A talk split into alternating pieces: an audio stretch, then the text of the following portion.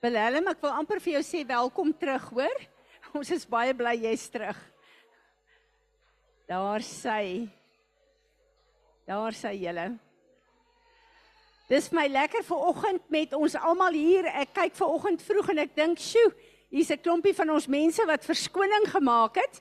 En uh, nou ja, toe verras die Here ons met 'n klompie nuwe mense wat kom besoek vandag en dis vir ons verskriklik lekker. Ek hoop julle voel sommer baie welkom by ons. En dan is dit vir my verskriklik lekker om ons mense wat gewoonlik op Zoom is, welkom te sê vir oggend hier waar uh Loetke en aan uh, en en ander reën hulle gesinnetjie hier is en ons vir klein Luwan gaan inseën vandag is uh, Erika en Pieter ook by ons en ook uh, Annelie se ouers. So julle is baie baie welkom. Ek is altyd so opgewonde wanneer ons kinders inseën omdat ek die krag daarvan verstaan in die kinders se lewe. So dis my regtig wonderlik en dan wil ek sê baie welkom vir ons uh Zoom mense. Dis vir my verskriklik lekker om julle by ons te hê. En uh nou ja, van tyd tot tyd uh besoek meeste van hulle ons ook wat vir my uh baie lekker is en ehm um, ja, dis net 'n lekker uh uh gedagte om te weet dat die salwing wat die Here hier laat vloei deur ons, ervaar hulle ook by hulle huise. In Johan ek moet vir jou 'n spesiale welkom sê. Dis so lekker as hy 'n bietjie in Suid-Afrika is en ehm um, ja, om jou fisies 'n bietjie in 'n gemeente te hê. Baie dankie, hoor. En uh dis my heerlik en ek wil net vir die vir die uh, ouens wat die potbeans luister sê. Ehm um, het op 'n tyd het ek gesit en gedink ek stuur die potbeans uit. Toe sê die Here vir my baie duidelik, die donderdae oggende vroue groep waar ek eers die potbeans sit, stuur dit vir Johan ook uit. So hy kry dit daar bo in Afrika waar hy werk en hy staan eintlik op 'n spesiale manier deel van die vroue groep ook. daar sê kom ons staan en ons aanbid die Here.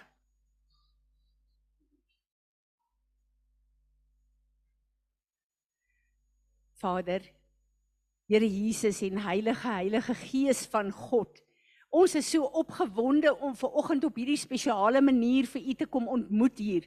Ons is hier met ons liggame, Here, met een uitsluitlike doel en dit is om U naam te kom verheerlik, om te antwoord op U roepstem. Ons is hier om te sê, Here, hierdie is vir ons een van die belangrikste geleenthede in ons week se program.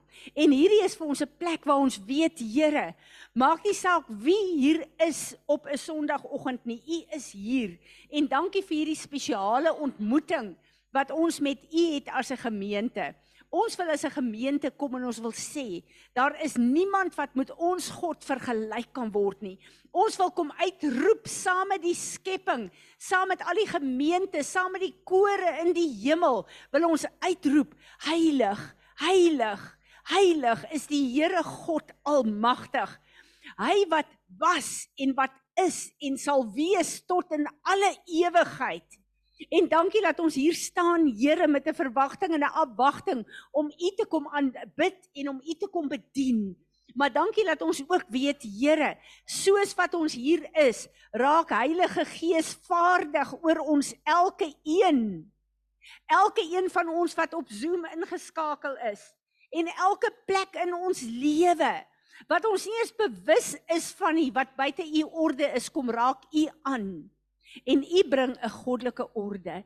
En ons wil vir u dankie sê. Ons wil vir u sê Heilige Gees kom vandag met u woord en kom was ons. Kom en kom gee vir ons die waarheid en die openbaringskennis in elke plek van ons lewe waar ons sukkel. Kom met u woord en kom bekragtig ons. Kom nie net was nie Here, maar kom bevry ons en rig ons op sodat ons hier op aarde die getuienis kan wees wat mense na kyk en sê waarlik hulle is kinders van God. So ons gee hierdie oggend vir u Here en ons wil sê word u verheerlik in alles wat hier gebeur. Maar nou kom ons en hierdie aanbidding wat ons kom bring Here, kom sê ons vir U, dis ons keuse. Ons kom en ons wil in gees en waarheid U lof kom besing en U kom aanbid. So ons wil vir U vra, ontvang hierdie aanbidding wat ons bring as 'n soet soet offer voor U aangesig. Here Jesus, Dankie dat U die realiteit is wat tot in alle ewigheid ons deur is wat ons teruggebring het na ons Vader se huis toe. Word verheerlik deur hierdie lofprysing. Amen. Kom ons aanbid hom. Dan is dit vanoggend sing wys die Here maar net vir my hoe hy is ons Vader en ons almal weet dit en ek meen ons het nie nodig om enigiets te doen om by hom uit te kom nie. Maar ons gedagtes, jy weet, in die goed wat in die week gebeur het en wat ons dink wat nog gaan gebeur is so gaas in ons koppe dat ons sukkel om die woorde wat ons sing te glo en ons sukkel om te verstaan maar ons kan by hom uitkom en dis eintlik die blok wat sy teenwoordigheid is hier en ons kan by hom uitkom maar dis ons gedagtes wat daai wat daai barrier maak en vir een of ander rede blyk jy daai gaas sien en ons sukkel om eintlik by hom uit te kom want want ons blok onsself om dit te kan doen Die Here sê in 2 Korintiërs 10 Neem elke gedagte gevangene en maak dit gehoorsaam aan my woord. So kom ons bid saam. Staan asseblief. Vader, ons wil nou kom en ons wil alles wat in ons lewe aan die gang is. Elke plek van verwarring, elke plek van misleiding, elke plek van bekommernis, elke plek van angstigheid. Ons vra nou daarvoor vergifnis. Ons vra vergifnis dat ons nie kan afskakel en hier instap en u die aanbidding gee wat u toekom nie. So nou neem ek elke gedagte gevangene wat u in u woord op en neer en ek kom maak dit nou gehoorsaam aan die salwing en teenwoordigheid van my God. En ek wil nou sê Here, so Samuel as 'n klein seentjie gekom het en gesê het, spreek Here, ek gaan luister. So kom ons ver oggend en ons sê, spreek Here, ons wil luister. Amen. Amen. Amen. Nog iemand?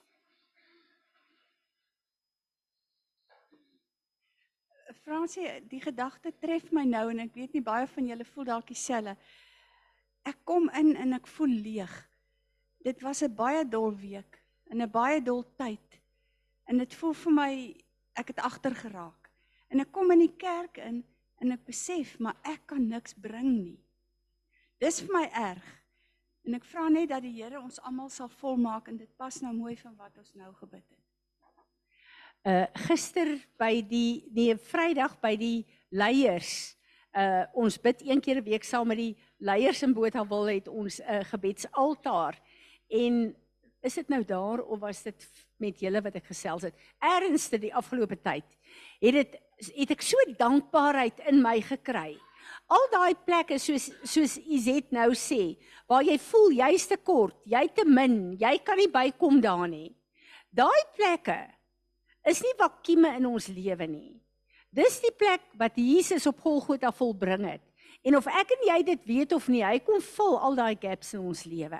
En dis vir my die grootste wonder van die Here, want ons as mense is so gefokus op om te presteer en om ons bietjie na die tafel toe te bring.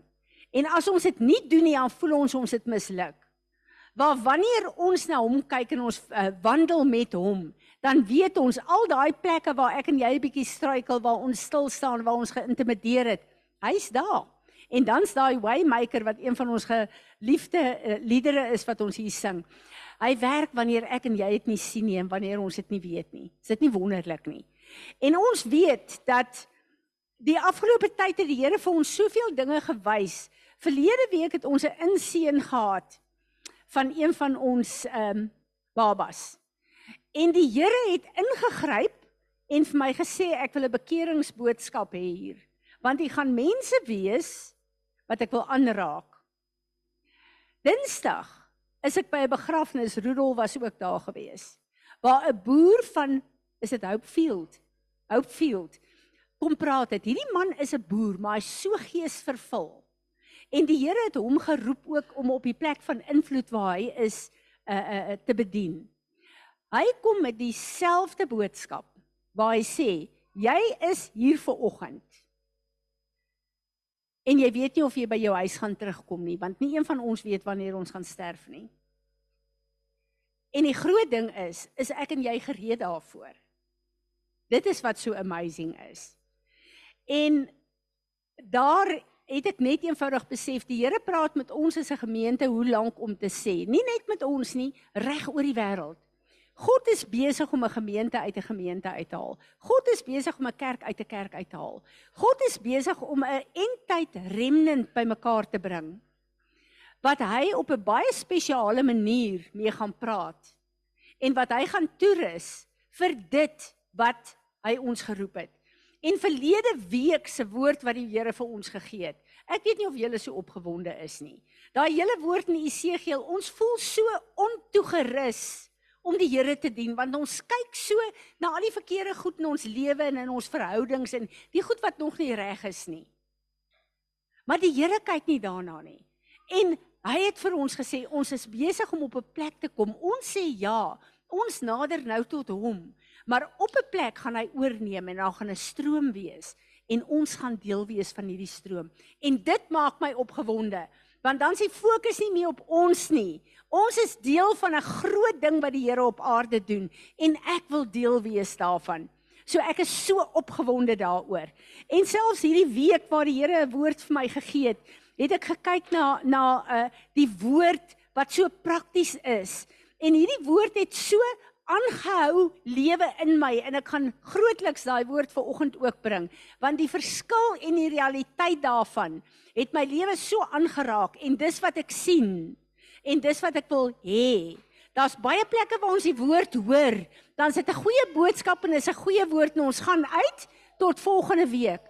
Maar ek wil 'n woord hê wat my konfronteer wat vir my sê hier is die strategie om uit te kom uit die plek waar jy nou is. Dis wat jy doen, want ons is so gewoond daaraan dat ons die woord hoor, ons glo dit, ons is kinders van die Here. As daar 'n situasie kom, dan bid ons dit. Meeste van die tyd bid ons die skrif ook. Maar een van die dinge wat die Here van die begin af vir die Israeliete gesê het, is shama. Wat beteken listen and obey. En die grootste probleem van my en die grootste gedeelte van die van die liggaam van Christus is ons glo die woord van God, maar ons pas dit nie in ons eie lewe toe nie. En dit is hoekom die krag van God nie in ons lewe is nie. O land, ek moet nie nou begin preek nie, laat ons eers aangaan met wat ons uh heel eerste moet doen vir oggend waaroor ek baie baie opgewonde is. Um ek wil voordat ons begin met die met die inseën wil ek tog net hê dat ons uh, vir oggend uh julle wat op Zoom is ook, die van julle wat siek is, die van julle wat gebed nodig het. Ehm um, uh gee net 'n handjie daar agter vir Natasha dat ons kan sien. En dan wil ek uh, hê ons moet ons almal weet Johan gaan vir 'n operasie uh Dinsdag waaroor ons baie opgewonde en bly is. En ehm um, ek sal graag vir hom wil bid. Uh maar ek wil hê jy moet daar naby François gaan staan. Die van julle wat in julle liggame voel julle te siekte, julle is nie lekker nie, kom staan hier by hulle laat ons gehoorsaam aan die woord van God. Sê hy, as mense siek is, Jakobus, neem olie, die olie wat ek julle gee wat net 'n simbool is. Maar die oomblik as ons hierdie olie gebruik, dan is dit die gesalfde een, Jesus Christus met sy oorwinning wat ons dan letterlik vra, Here, soos dit in die hemel is, so ook op aarde bid ons vir die dokters wat opereer is net instrumente in God se hand. Santjie, wil jy wil jy ons moet vir jou bid? Is jy reg? Ook dag jy het jou hand opgesteek. Enige iemand anders wat wil jy ons moet bid vir genesing? Iets in julle liggame wat nie reg is nie. Vader, dankie vir die voorreg wat ons het in hierdie gemeente om te kan bid want Jesus het genesing op Golgotha vir ons volbring. En dankie dat ons glo aan goddelike genesing. Dankie dat ons weet Here dat dit wat hy op Golgotha afgehaal handel het is tot ons beskikking en deel van ons lewe en ons wil ver oggend kom. Here, ek wil kom en ek wil vir François opnuut kom salf en hande lê op hom. Ek wil vir Johan kom salf en hande lê op hom. En Here, ek wil oor hulle uitroep Jehovah Rafa.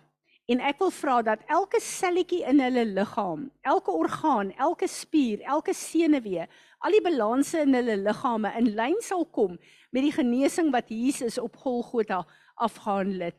Ons bid vir die dokters, vir elke persoon wat aan Johan gaan raak, Here, dat hulle u instrumente sal wees. Ons bid Vader dat u hulle sal gebruik om presies te doen wat nodig is in sy nek en dat hierdie nekoperasie 'n 'n absolute sukses sal wees sodat hy weer sy plek kan inneem sonder pyn. Uh nie net in ons as gesin nie, maar ook uh in die gemeente. En ons wil kom Vader, ons wil bid vir elke ander siek persoon in ons gemeente en ons wil vra dat u genesende krag hulle sal aanraak. En Here, dankie dat ons weet dat dit is ons erfenis in Jesus Christus. Dis wat u woord sê. Daarom kom ons en ons kom lig u verbondsname op oor hulle en elke ander persoon in hierdie gemeente wat nie gesond is in hulle liggame nie. Amen. Amen.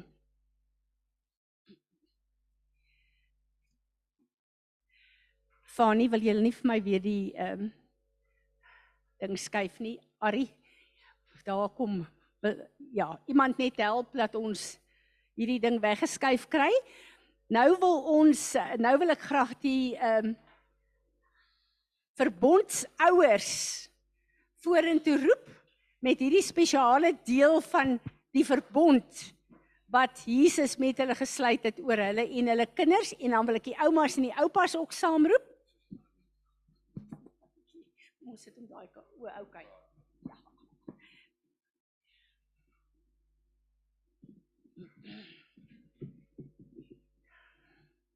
Ek wil terwyl hulle uitkom en hulle plekke kom inneem, wil ek vir julle sê vir oggend onder andere lees ek uh, die gedeelte in Markus 13 waar Jesus vir sy disippels gesê het: "Gaan uit, hy wil die die uh, laaste verbonds die verbondsmaal op aarde instel voordat hy kruis toe gaan."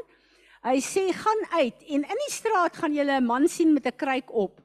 En vra vir hom, kan ek asseblief die kamer kry wat hy voorberei het vir ons om in te kom bedien? En ek dink by myself, mag ons so wandel met die Here dat ons sal hoor wat hy van ons verwag en dat ons sal voorberei om hom te ontvang op so 'n spesiale manier. Daar sê wonderlik. Ag, dit is my so lekker om julle hier te sien. Is Santjie, neem jy foto's van hulle? Goed. Daar sê, uh vir oggend gaan ons vir Luwan inseën. En Julle kan nie glo nie, maar ek het eers gisteraand gehoor dis Luwan Pieter. Ek het nie geweet hy twee name nie. So amper was daar vanoggend 'n probleem gewees want sy tweede naam het my so bedien toe ek vir die Here bid en vra. Ons weet Luwan en ek wil net vir julle hier ehm um, lees beteken dis vir my baie oulik ek haal hierdie een ding aan uh, op die internet the true meaning of Luwan cannot be described just in a few words. His name is his destiny. En ek deel dit gisteraand met uh, Pieter hulle en Pieter sê vir my dat uh Elinka het Tim 2 jaar apart van mekaar af dieselfde woord gegee en gesê dat sy sal uh die geheimenisse van God soos in die hemel sal sy dit kan reveal op aarde. En ek dink, wow, en vir my is dit altyd wonderlik as 'n profeet kom wat niemand ken nie en hy sê dieselfde en volgende jaar kom hy weer hier en hy kyk na jou en hy sê weer dieselfde. Daar's 'n manier wat hy dit kan onthou nie. So hy lees eintlik jou skril. Hy lees eintlik waarvoor God jou God jou geskaap het. Ehm um, die betekenis van en ek gaan vir jou ehm um, Lutke, jy verstaan seker sy name nê. Nee. So ek gaan vir jou 'n gedeelte gee om te sê hoe kom jy by sy name uit en wat beteken dit vir julle is dit oukei. Okay? Ehm um, Luwan die die uh, betekenis wat ek hier gekry het vir Luwan is letterlik ehm um, hy is liefde. Hy's baie uniek en hy's baie waardevol. Dis die eerste gedeelte van Luwan se naam. Ek sê Luke, Luwan se naam. Die tweede gedeelte Pieter. Almal van ons weet mos nou Petrus is die rots, is die Maar die Here vat my na die gedeelte toe waar hy Petrus se naam verander het. Na Petrus toe. En hy sê vir my die die salwing vasgesluit in 'n uh, Pieter se naam. Op daai plek waar God sy naam verander het in sy naam Petrus gegee het, het God vanuit die hemel vir Petrus 'n die grootste openbaring gegee op aarde waar Petrus kon sien u is die Christus. En daai openbaring soos in die hemel het Petrus op daai oomblik gekry. En die krag daarvan was so groot dat Jesus gesê het dis nie vlees en bloed wat dit vir jou openbaar het nie. Jy direk uit die hemel uitgehoor. En jy kon dit uitspreek hier op aarde en ek het net besef en ek wil dit vir julle as ouers sê die Engelse praat van 'n corporate anointing daar is 'n gemeenskaplike salwing op julle as 'n gesin en wat vir my amazing is een die skrif wat die Here vir my gegee het vir Luwan wys duidelik dat intersessie is deel daarvan.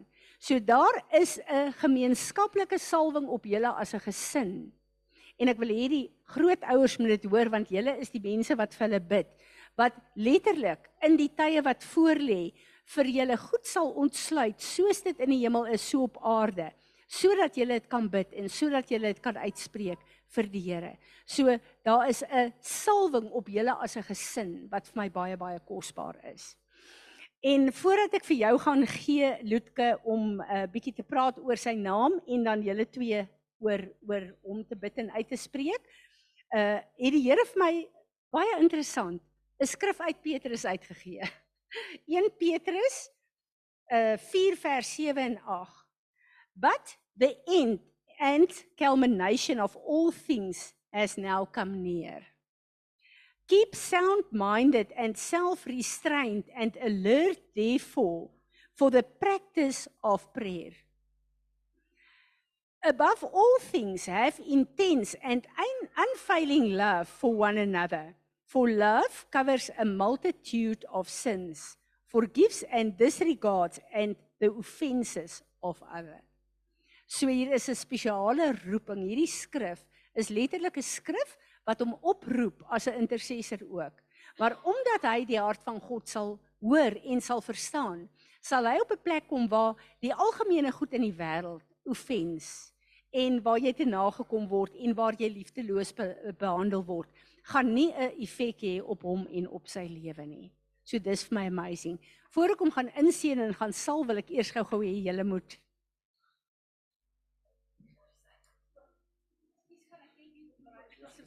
Skus julle.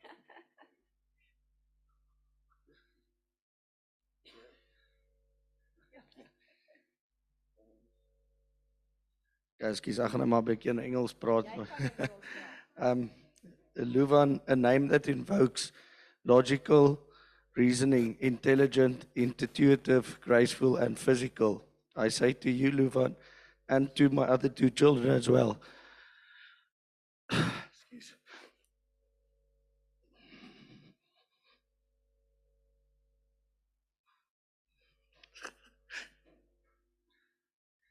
Uh, yeah. You should be more than capable. The society says that you should be harmless. You should be virtuous. You should not do anybody any harm. You should see, you should sheath your competitive instinct. You shouldn't try to win. You don't want uh, to be aggressive. You wouldn't, you would want to take a backseat to life and its surroundings. I'm harmless, therefore I'm good. To this I say no. If you are harmless, you are weak. If you are weak, you are not going to be good. It takes strength to be good. You always should be capable of being dangerous, but you should always be in control of it. It does not mean you should use it. Those who have swords and know how to use them, but keep them sheathed, will inherit the world. You should be more than a warrior and learn how to control it. Always strive to be the best. Always work towards your greatness. I leave you with 1 Samuel 9, 9 verse 1 and 2. Now there, there was a man of Benjamin, those, whose name was Kish, the son of Abiel, the son of Zeror, the son of Becherah, the son of Ampia, a Benjamite, a mighty man of power. And he had a son whose name was Saul, a choice young man and a handsome young man. There was not among the children of Israel a more handsome person than he, From his shoulders and upwards, he was higher than any other people. The only thing necessary for evil to triumph in this world is for good men to do nothing. Always be a lion.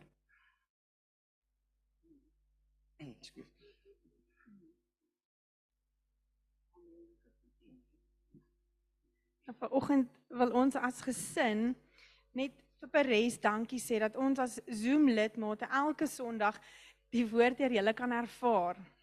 Um vir die kinders is die praise and worship die lekkerste. Dit is vir hulle regtig. Vir Elinka, dit is haar.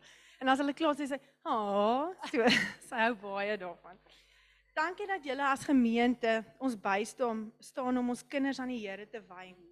En aan Luwan, jy's 'n volmaakte skepping van God. Ons waardeer jou vir die geskenk van God wat jy in ons lewens is. In Numeri 6 vers 24 tot 26. Die Here sal vir jou goed wees en vir jou sorg. Die Here sal vir jou raak sien en vir jou liefde gee.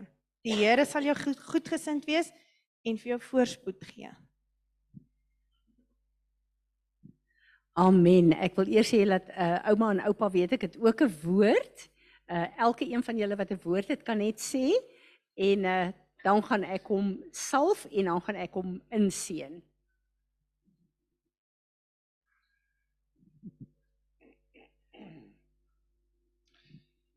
Liewe kleine Liewan.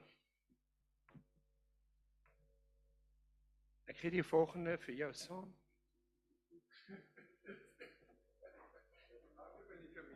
Is wonderlik. Dis wonderlik. Voel gerus.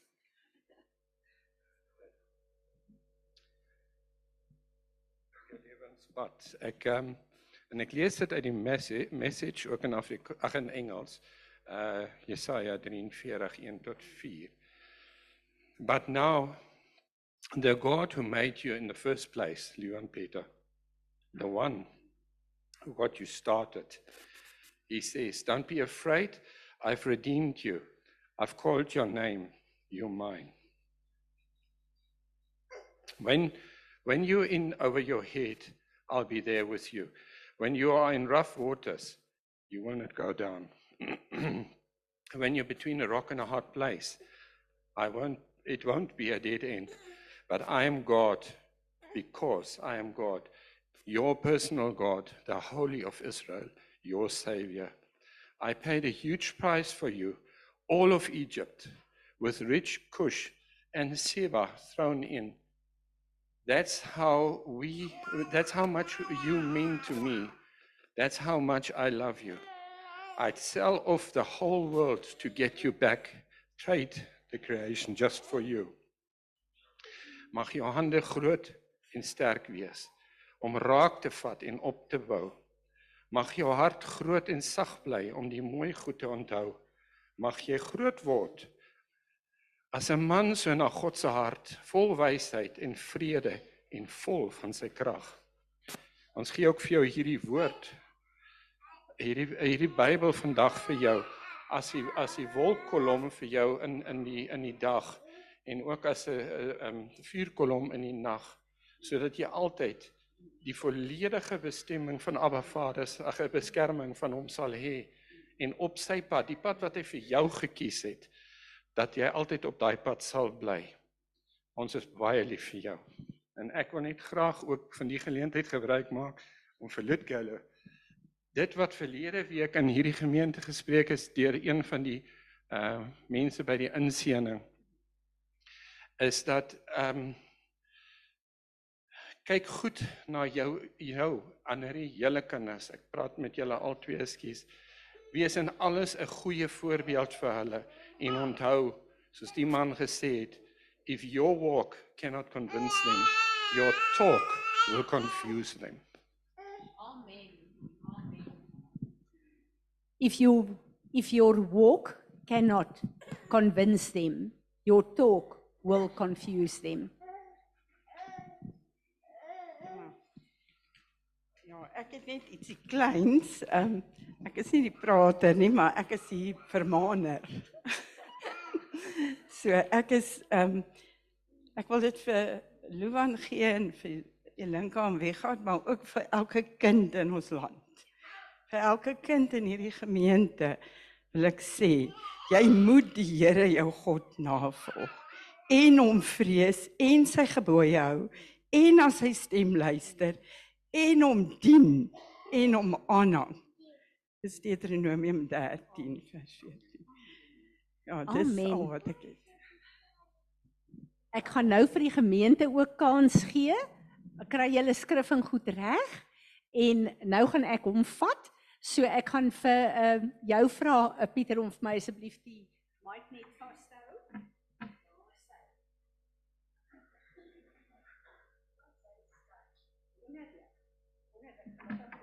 Wat om my hom baie interessant daar sy. Vader, vir my is dit so voorreg om te kom en vir Luwan Pieter te kom salf. En Vader, ek wil kom en ek wil hom nou kom vestig in sy geboortereg as die derde kind van Loetke en Annerie se gesin. En ons wil kom Vader en ons wil hom opdra op u uh, uh, aan u en ek wil vra dat u die skraal wat u geskryf het vir Luwan se lewe dat u asseblief dit sal ontsluit en Vader laat u vir uh, Loetke en vir Annerie en vir die grootouers die goddelike wysheid sal gee om vir Luwan te lei op die pad wat U hom plaas Vader en ons wil kom en ons wil hom kom seën as die derde kind, die tweede seun in Loetke en aan uh, Annelie se huisgesin in die naam van Jesus. Amen. Amen. Amen. Wonderlik. Nou wil ek vir julle vra wie van julle het 'n woord? Kom sommer vorentoe en uh, laat ons die woord ook oor sy lewe uitspreek. Dit is my altyd so wonderlik as daar woord is. Uh en ek weet dit sal op die die uh recording wees vir julle. Um die Here het regtig die boek van Lukas op my hart gelê en twee Bybelverse wat vir my uitstaan is Lukas 6 vers 27 Love your enemies do good to them um which hate you en dan Lukas 3 vers 22 and the Holy Spirit descended on him in bodily form like a dove and a voice came from heaven you are my son who I love with you I am well pleased Amen. Amen. Ek is ook in Deuteronomium. Uh Deuteronomium 11 vers 26. Behold, I set before you this day a blessing and a curse. The blessing if you obey the commandments of the Lord your God, which I commanded you this day. And the curse if you will not obey the commandments of the Lord your God.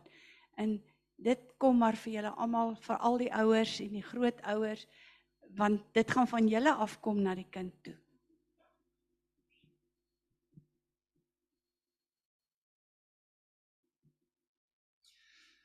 Ek bly sien hoe daar klomp mense in in in in Twonke is en dis Twonke in ons koppe is, jy weet, en hoe die vyand in die wêreld vir ons grenslyne daar gestel het wat nie van die Here af is nie, waar agter ons bly staan die hele tyd en ek en ek sien met hom, hy sien noodwendig die min daarteen.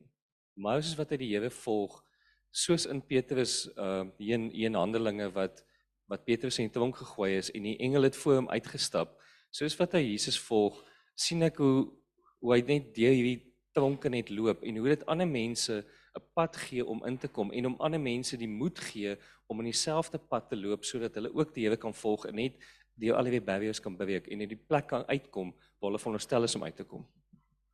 Amazing. Piet weet nie waaroor die woord vanoggend gaan nie en laat die woord letterlik uitgespreek word oor sy lewe ook. Uh wat my opgewonde maak is jare terug het die Here vir my gesê daar's 'n sigbare kerk en 'n onsigbare kerk. En die onsigbare kerk is die bidders en die intercessors. En dis hulle wat die fondasie is en die kerk, die sigbare kerk kan laat funksioneer. En dis so belangrik vir die Here dat Jesus gekom het en gesê het my gemeente, my huis sal 'n huis van gebed genoem word. Nie van leiers nie. 'n Huis van gebed genoem word. Amen. Nog iemand wat ietsie wil sê? Julle almal reg. Dis wonderlik. Kyk net bietjie op die die ehm um, Goed, nie een van hulle iets daar nie. Dis lekker om te weet dat jou sussie hulle by is en inskakel en jou tannie hulle inskakel en dat hulle so deel kan wees daaraan. Amen. Baie dankie. Dankie julle, dit was so wonderlik geweest.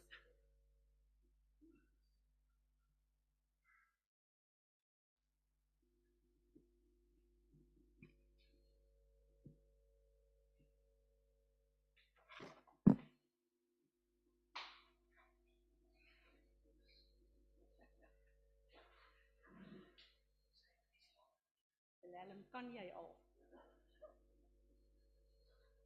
Sy. Wonderlik. Dankie, hy is heeltemal reg.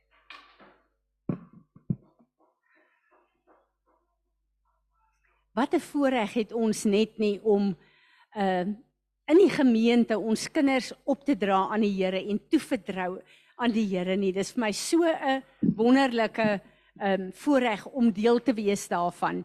En uh, ek het geluister hierdie afgelope tyd na uh iemand, een van die leiers wat sê hy sal graag wil hê dat wanneer sy kinders van hom praat eendag, hulle sal sê ek het onthou hoe my pa in die stort gestaan en gebid en in tale gepraat het. So die kinders hou fyn dop wat ons doen en wat belangrik is word aan hulle vasgemaak. Goed, ons het uh, hierdie week het ek 'n woord gehad wat my so gekonfronteer het en ehm uh, uh, baie van hierdie goed wat ons wat ek sien wat die Here ons lei om te doen. Uh donderdag toe ons daaroor praat, toe sê Izaan vir my, daar is uitstekende lering oor dit wat ek ver oggend gaan doen deur Derrick Prins.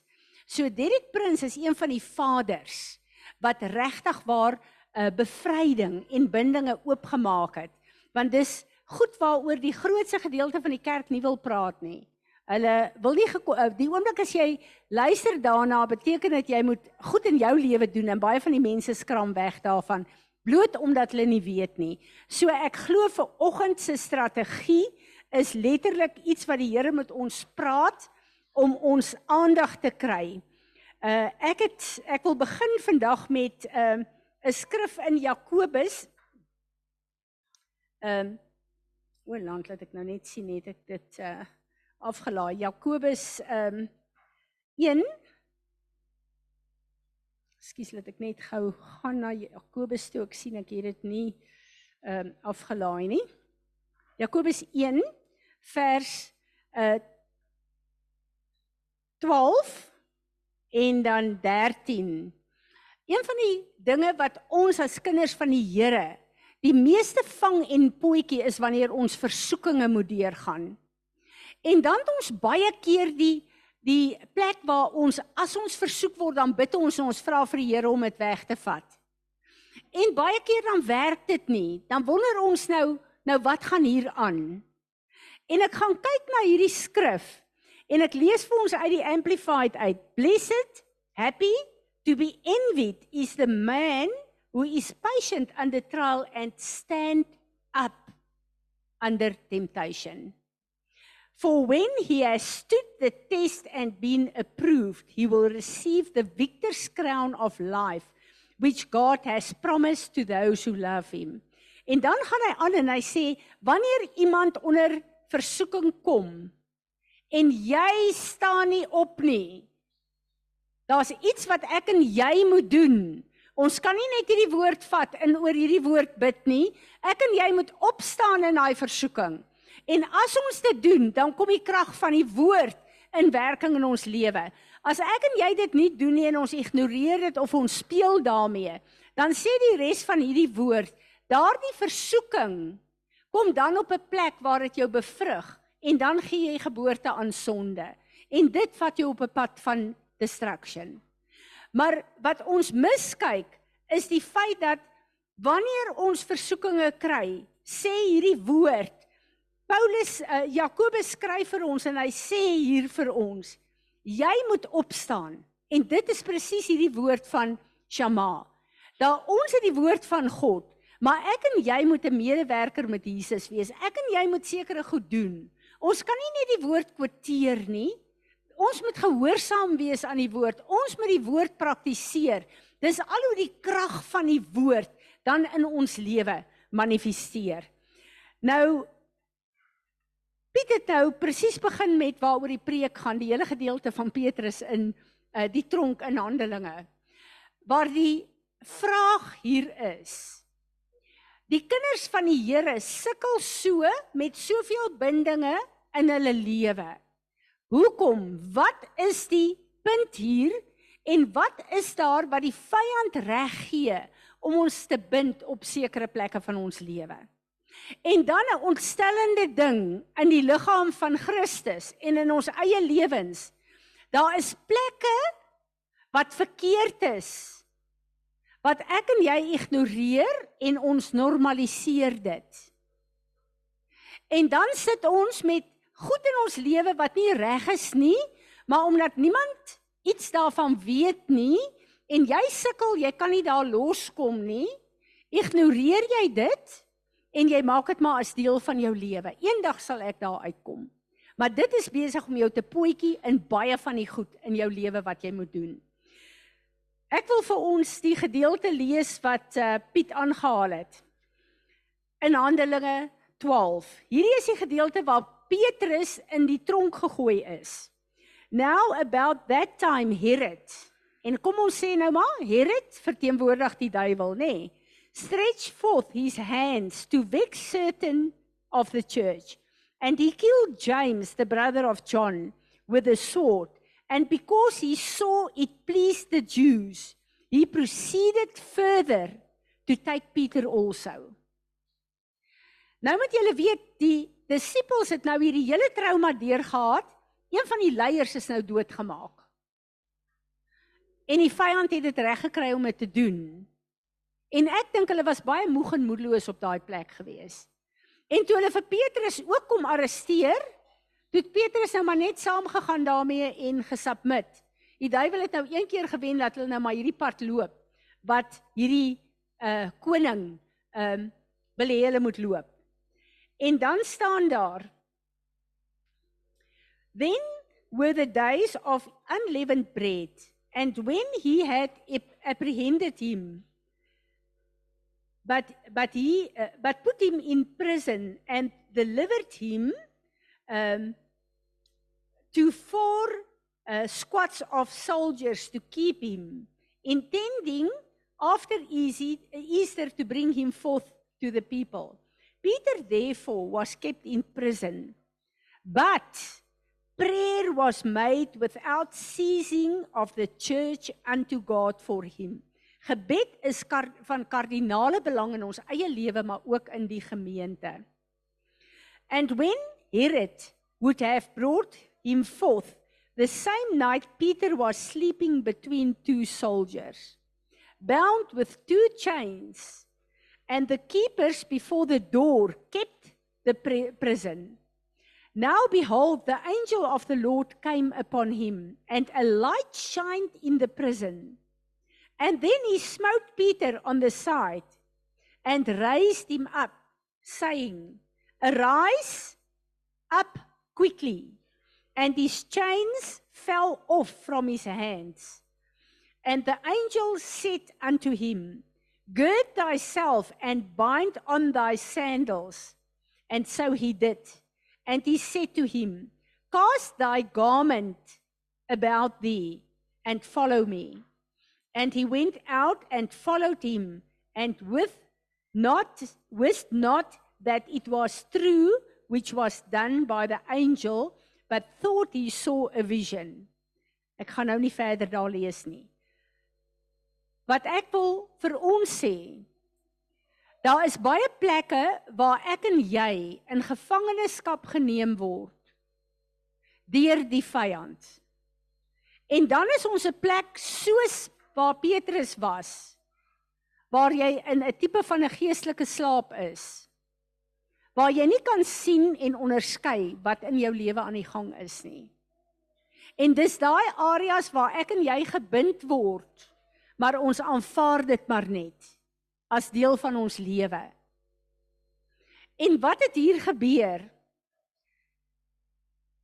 Die kerk het begin bid en toe die kerk begin bid het, het die lig van God gekom en in die duisternis van daai gevangenis ingeskyn. Die lig van God het ingekom. En God se lig wat sy woord verteenwoordig, word altyd Psalm 103 volbring deur sy engele.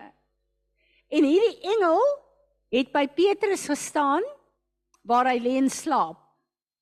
Met die lig wat op hom skyn en hy het hom wakker gemaak. En dit laat my dink aan daai skrif wat die Here 'n paar weke terug met ons gepraat het, die verligte oë van ons verstand. Efesiërs 5 vers 20 sê dit goed waar hy sê word wakker jy wat slaap en Christus sal oor jou skyn. Daar's plekke wat ek en jy in 'n tipe van 'n slaap is waar ons nie kan sien ons is gebind en ons is onder die beheer van die vyand in sy magte nie. Nadat Petrus wakker geword het, moes Petrus opgestaan het. Daar's goed wat ek en jy moet doen. Wanneer ons bid en vir die Here sê, "Wys vir ons hierdie areas." En ek en jy weet wat is die areas waar daar goed in ons lewe is wat nie in lyn is met God nie. Kom ons kyk na ons verhoudinge. Kom ons kyk na verslawing. En moenie gaan na ek gebruik nie dwelms nie. Daar's baie baie ander verslawing. En kom ons los maar die dwelms en die drank en die daai goeders uit. En kyk 'n bietjie hoe lyk ons verslawing aan ehm uh, tegnologie.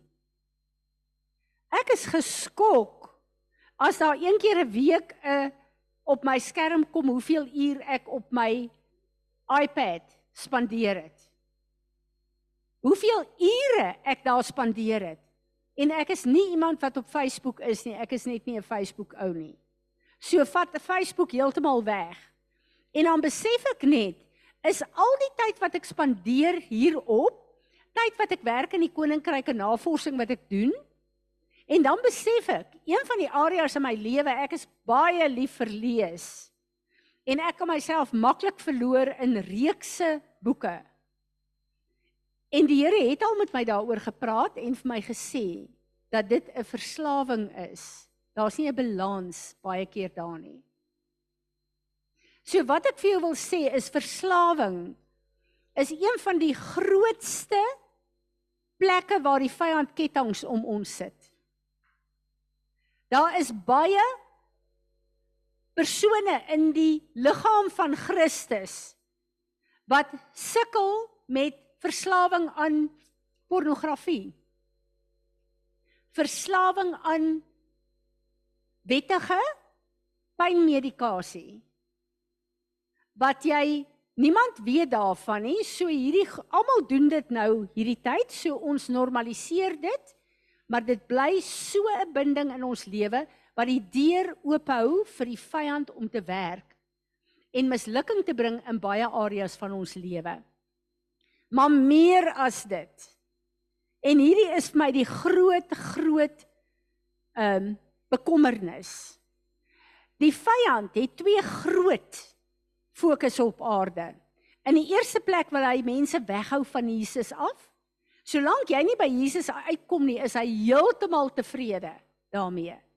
Maar as jy wedergebore is en by Jesus uitgekom het, gaan hy alles in sy vermoë doen om jou te bind en jou weg te hou van 'n lewe van intimiteit met Jesus Christus. Wat is daar in my en jou lewe wat ons weghou van intimiteit met Jesus? wat die kern van ons lewe moet wees. En die oomblik as ek en jy dit in die oë kyk, dan weet ons waar is die areas waar ons gebind is. En ek weet hierdie is tyd waar die Here kom en sê moenie so slawe wat normale mense is nie, maar hulle het reëls en regulasies wat nie vir hulle vryheid gee om te doen wat 'n vry mens kan doen nie. Moenie langer so lewe nie. Die prys wat Jesus vir ons betaal het, is 'n prys om ons 'n lewe van oorvloed te gee. En dis nie 'n lewe van alles is eh, pret en plesier tot in alle ewigheid nie.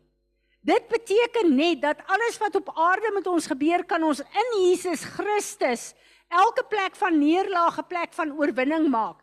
Dis die lewe van oorvloed wat ek en jy op aarde het. Jesus het daarvoor gesterf En ons kan nie langer toelaat dat daar plekke is wat bindinge in ons lewe is nie. En die wonderlike ding hiervan is die vyand se taktik is om ons te laat wegduins van die Here af as daar goed in ons lewe nie is nie. Want ons voel ons moet onsself eers uitsorteer voordat ons regtig waar ons kan oorgee vir die Here. Ek en jy kon nog nooit onsself uitsorteer nie. Dit is hoekom Jesus gesterf het. En ek en jy het Jesus en sy offer. Ons moet ons bindinge, al hierdie goed in ons lewe, ons verslawings, moet ons na hom toe bring. Hy is die een. Ons moet opstaan, laat sy lig oor ons skyn, laat die kettinge begin afval. En dan moet ons begin gehoorsaam raak aan wat hy sê. Wat het die engel vir Petrus gesê? Een van die goed wat gebeur as jy fisies tronk toe gaan. Wat doen hulle? Hulle stroop jou heel eers van jou klere en al jou persoonlike goed. En jy moet hulle klere aantrek. So jou identiteit word verander. Wat het hierdie engel vir Petrus gesê? Trek aan jou skoene. Sit jou gordel weer om wat die woord van God verteenwoordig want hierdie is die wapenrusting. Trek weer jou mantel aan dat jy weer in die identiteit van wie ek jou geroep het kan opstaan. Moenie langer laat die vyand jou merk ongemerk met sy bindinge en sy verslawing in jou lewe nie. Staan op, kom daar uit. Maar ek en jy moet opstaan daar. As daar 'n patroon en 'n vloek in ons lewe is, dan moet ons dit identifiseer. Dis daai plekke waar goed skeefloop in ons lewe. Hoe lyk die vloeke? Waar kom 'n vloek vandaan? Die heel eerste vloek is in die tuin van Eden. Vloeke is plekke waar ek en jy en ons voorgeslagte ongehoorsaam is aan God en aan sy woord. En dit beteken nou nie dat ehm um, uh, uh Tanya het nou alleen vertel vir Fani. Sy sy het nou 'n vloek. Dit werk nie so nie. Uh Galasiërs ehm um, 5 vers 19 sê, dan noem hulle al hierdie sondes, hierdie vloeke, hierdie uh sonde wat ons doen en dan staan daar as jy dit praktiseer dan verwyder jy jouself van God, dan kom 'n vloek op jou. So as Tanya, Tanya, jy's nou op die spot. As Tanya besluit sy is 'n leenaar en sy het 'n lewe om te lieg van die oggend tot die aand. Dan dan kom God se judgment vir daai keuse wat sy maak om die karakter van die vyand te openbaar op 'n permanente basis. Dan kom God se judgment daar en daar kom 'n vloek op haar. En daai vloek is 'n deur vir die demoniese magte om ingang in haar lewe te hê en haar te bind soos wat hulle wil. So dis waar die vloeke vandaan kom. Daar is goed in my en jou lewe waar ons vloeke geërf het, maar ook waar ons onsself vervloek het.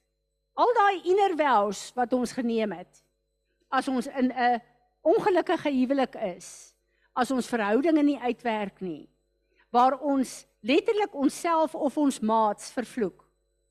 Ons nageslag vervloek. Dis die sterkste goed wat die vyand mee werk. Daai plekke waar ek en jy onsself letterlik onder God se beskerming uithaal. En dan is dit soos 'n wolk wat oor ons is in ons volg. En jy weet, daar's iets verkeerd in jou lewe. Jy weet jou gesinslewe is nie reg nie. Daar's een kind of twee kinders wat net nie in lyn is met God se wil nie. Jou finansies. Jy weet daar's fout met jou finansies en jy kan hard werk soos jy wil, jy kan 'n miljoen rand 'n maand verdien, maar daar's altyd 'n gat. Jy weet iets is nie verkeerd is nie reg in jou finansies nie. Dis hierdie goed wat ons na die Here toe moet bring en vir die Here vra. Here, help vir ons Wat is hier verkeerd? Jy kry mense en families wat ongelukke en ontydige dood, sterfte by kinders, uh miskrame wat 'n patroon daarvan het. Dit is nie wat ons as kinders van die Here mee moet deel nie. Daar's fout. Ons moet gaan kyk daarna. Plekke waar jy aanhoudend in jou lewe nie suksesvol kan wees en vooruit kan kom nie. Dis 'n patroon. Dis nie 'n patroon wat Jesus voorgesterf het wat in ons lewe moet wees nie. iets wat baie opsigtelik is, 'n kroniese siekte. Ons moet vir die Here gaan vra, wat is daar in ons lewe? Wat is daar wat ons moet doen om hierdie ding oor ons te breek? So ek en jy moet begin om ons lewe te toets. Ons moet wakker word. Ons moet opstaan en ons moet hierdie soldate wat aangestel is, hierdie deurwagters wat aangestel is om ons op 'n plek te hou waar ons aan die slaap is, waar ons aanvaar wat die vyand doen. Ons moet opstaan en ons moet sê hierdie goed is nou genoeg. Ek gaan nie dit langer toelaat in my lewe nie. Hierdie siklusse in my lewe, dan gaan dit goed en dan gaan dit nie goed nie. Hierdie patrone in ons lewe moet breek. En ons kan dit net doen deur na die Here toe te gaan en te bid en te sê Here, genoeg is genoeg. Ek gaan hierdie goed nie langer toelaat nie. En ek moet vir julle sê dat daar's uitstekende lering wat hierdie goed betref by Derek Prins. Ek wil julle aanmoedig gaan kyk daarna. Is Isaan ek wil hê jy moet daai ding uh, uh, daai seën weer kry asseblief ook. Ek wil vir ons drie skrifte lees. As ek en jy bid, gee God sy engele opdrag om ons te help in die gees en fisies. Die engele van God is 'n realiteit. Hy sê dis kragtige werkers wat ek aanstel om julle te help hier op aarde. Wanneer ek en jy bid, sê die woord van God in Psalm uh, 103 Blessed affectionately gratefully praise the Lord uh he uh, you his angels you mighty ones who do his command hearkening to the voice of his word. Die oomblik as ek en jy bid as ons die woord van God uitspreek gee God sy engele opdrag om te doen wat nodig is om ons gebede te beantwoord. Dis waarvoor sy engele daar is. Psalm 91 wat baie van ons so quoteer ehm um, ons quoteer dit maar ons doen niks nie die woord van God is daar nie net om dit te kwoteer nie, nie net om dit te ontvang met ons ore nie, maar dit is 'n padkaart en dit is 'n strategie wat God ons gee om sekere goed te doen en as ek en jy dit nie doen nie, dan bly die woord passief in ons lewens. For he shall give his angels charge over thee to keep thee in all thy ways. Psalm 91 vers 11. Exodus 33 vers 2 sê, I will send an angel before you and I will drive out uh, the uh, Canaanite, the Amorite, the Hittite, the Perizzite, the Hivite and the Jebusite. Die Here kom en hy sê hy sal sy engele as ek en jy bid en as ek en jy opstaan sal hy sy engele stuur om ehm uh, uh, voor ons uit te dryf die vyand en sy magte. Ons moet weet dat ehm uh, Paulus het gestaan en hy het hom weer beklee. Hy het wakker geword. Hy het die lig van God, die woord van God gesien en hy kon uit daai gevangenis uitgestap het. So hierdie plekke van gevangenskap, as ek en jy opstaan, God se woord uh, vat en doen wat God ons sê, dan is daar geen gevangenis, ketting of deur wat ons kan bly vashou nie. So as ons kyk na hierdie plekke waar die Here met ons praat en vir ons sê, hier is bindinge in julle lewe wat ek wil gebreek hê, want ek het 'n lewe van oorvloed vir julle. Dan kom hy en hy sê eers wat het Paulus gedoen? Light up gebed. Dis hoekom dit so belangrik is in hierdie gemeente ook dat ons as 'n gemeente sal bid. En dat ons die gebedsgeleenthede wat daar is sal nakom. Dis geleenthede om op te daag en te sê Here, ons wil u instrumente op aarde wees. Sodat u lig kan kom en dat wanneer u lig kom, ons kan sien en kan verstaan hoe lyk die vyand se bindinge, hoe lyk sy werk in ons lewe. Dat hierdie valse gerusheid wat ons het ontbloot kan word dat ons sien dit is nie u uh, gerusheid nie, is nie u vrede nie. En dan dat die verwarring sal stop. Die verwarring wat vir ons sê Bindinge in sekere gebiede is eintlik normaal. Almal doen dit. En dis nie eintlik regtig 'n issue nie. As dit teen God en sy woord is, dan is dit 'n issue. Hy het ons gered en hy het gesê in hierdie woord bring altyd die vrees van die Here op my. Ek roep julle om heilig te wees soos ek heilig is. Dit gaan nie in God se woord staan as dit nie in 2023 moontlik is vir ons nie. En wanneer ons wedergebore is, kom die Heilige Gees van God in my en jou woon. In die Ou Testament is hy genoem die Gees van die Here of die Gees van God. In die Nuwe Testament het sy naam verander want sy werking het verander in ons as die liggaam van Christus. En hy's Heilige Gees genoem want hy is die een wat my en jou heilig en reinig. Ons kan nie dit self doen nie. Maar hy is tot ons beskikking 24 uur 'n dag om 'n medewerker te wees om ons te heilig en te reinig. En dan wake up. Daai plekke waar ek en jy in die slaap is, waar ons in ons comfort comfort zone is.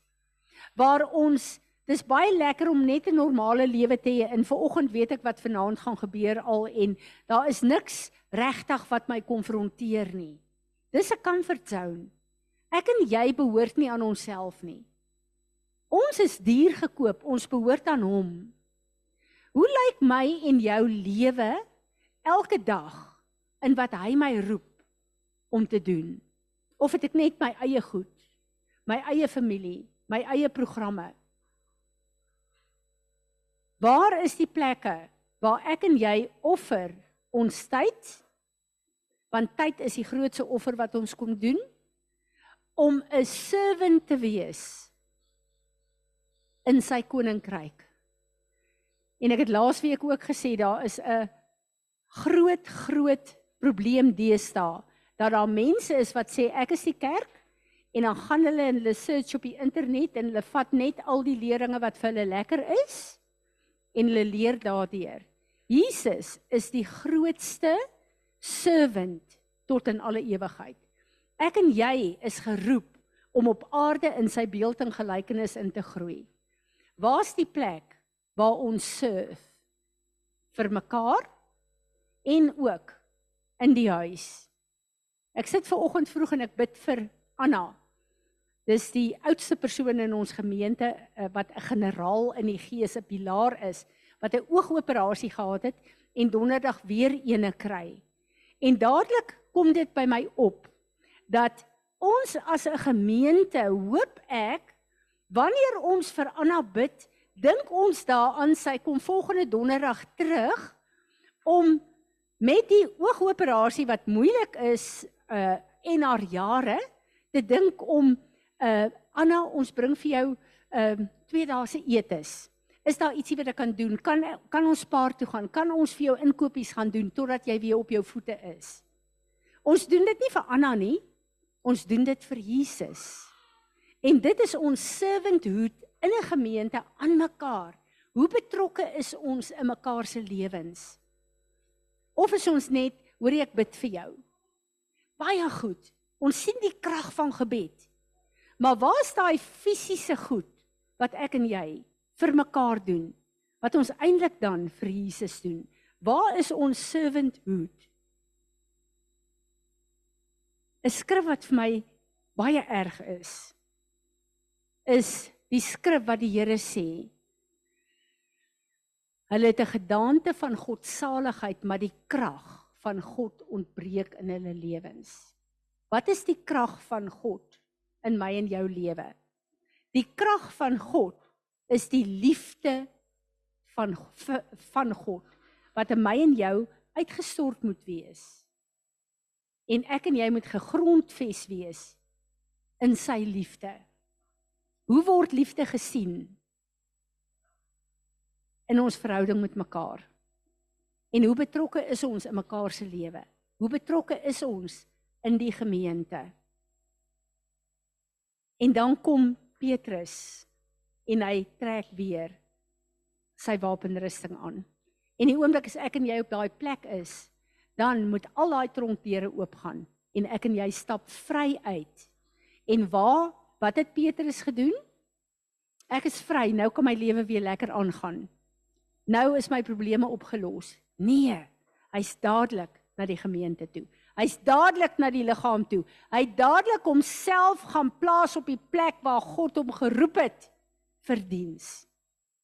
En hierin is 'n strategie vir my en jou.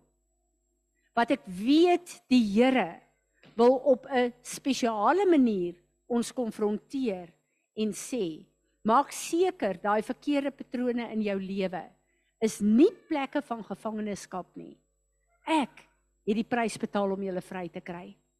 Amen. Amen. Kom ons staan.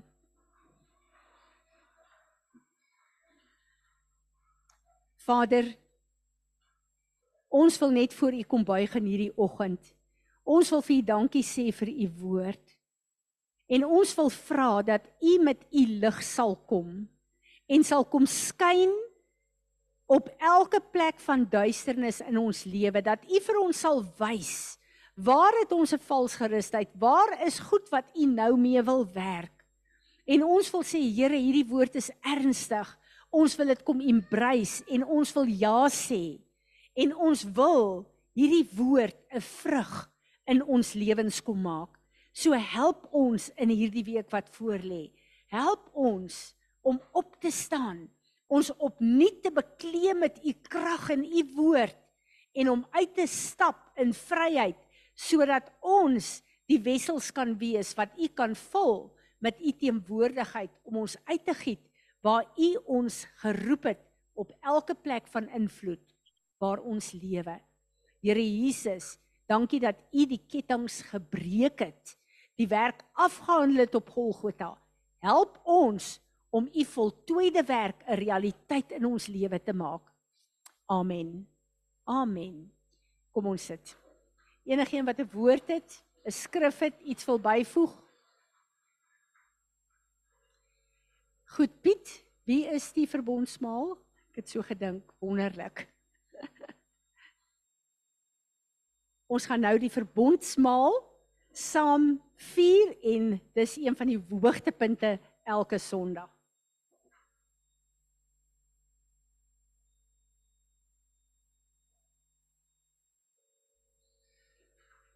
Ek wil begin net vir ons 'n klein stukkie uit Matteus 5 uitlees van vers 13 af. En Jesus praat self hierso en hy sê: Julle is die sout van die aarde, maar as die sout laf geword het, waarmee sal dit gesout word?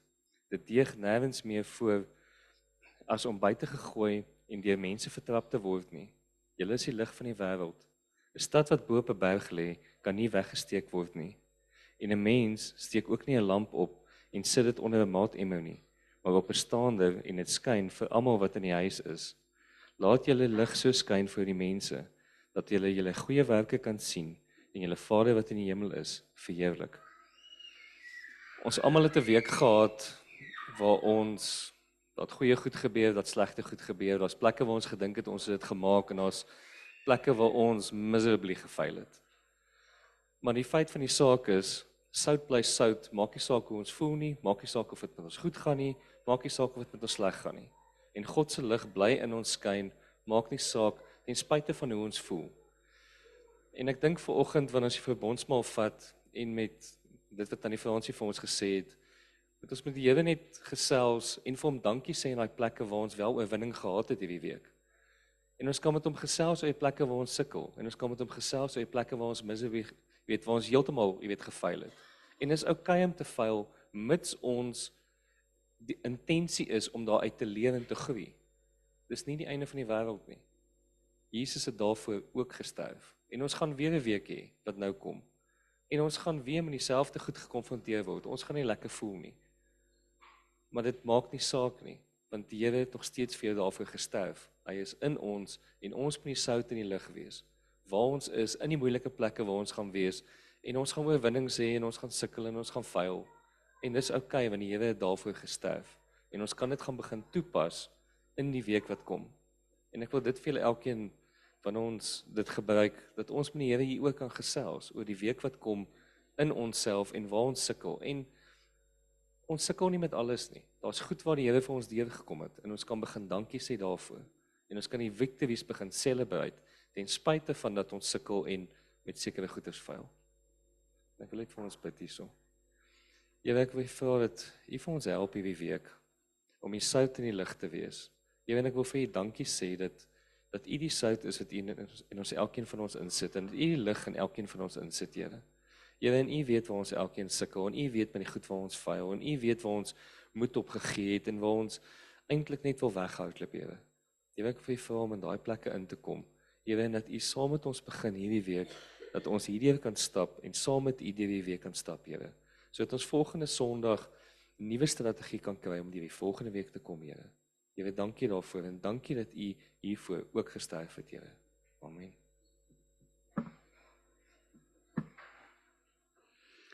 Natasha, kan ek jou 'n bietjie in die diepkant ingooi? How great is our God. Ek wil net hê ons moet uitstap met 'n verklaring vandag hier en daarna kan ons die seën gebruik om af te sluit. Kom ons verklaar hoe groot is ons God en ons uh, sluit daarmee af. Mag julle 'n geseënde wonderlike res van die dag en res van die week hê en ehm um, ja, ek glo dat uh, die Here vir ons so 'n geleentheid gaan gee elkeen om hierdie woord van hom uh, te gebruik in ons lewe. Dankie Natasha.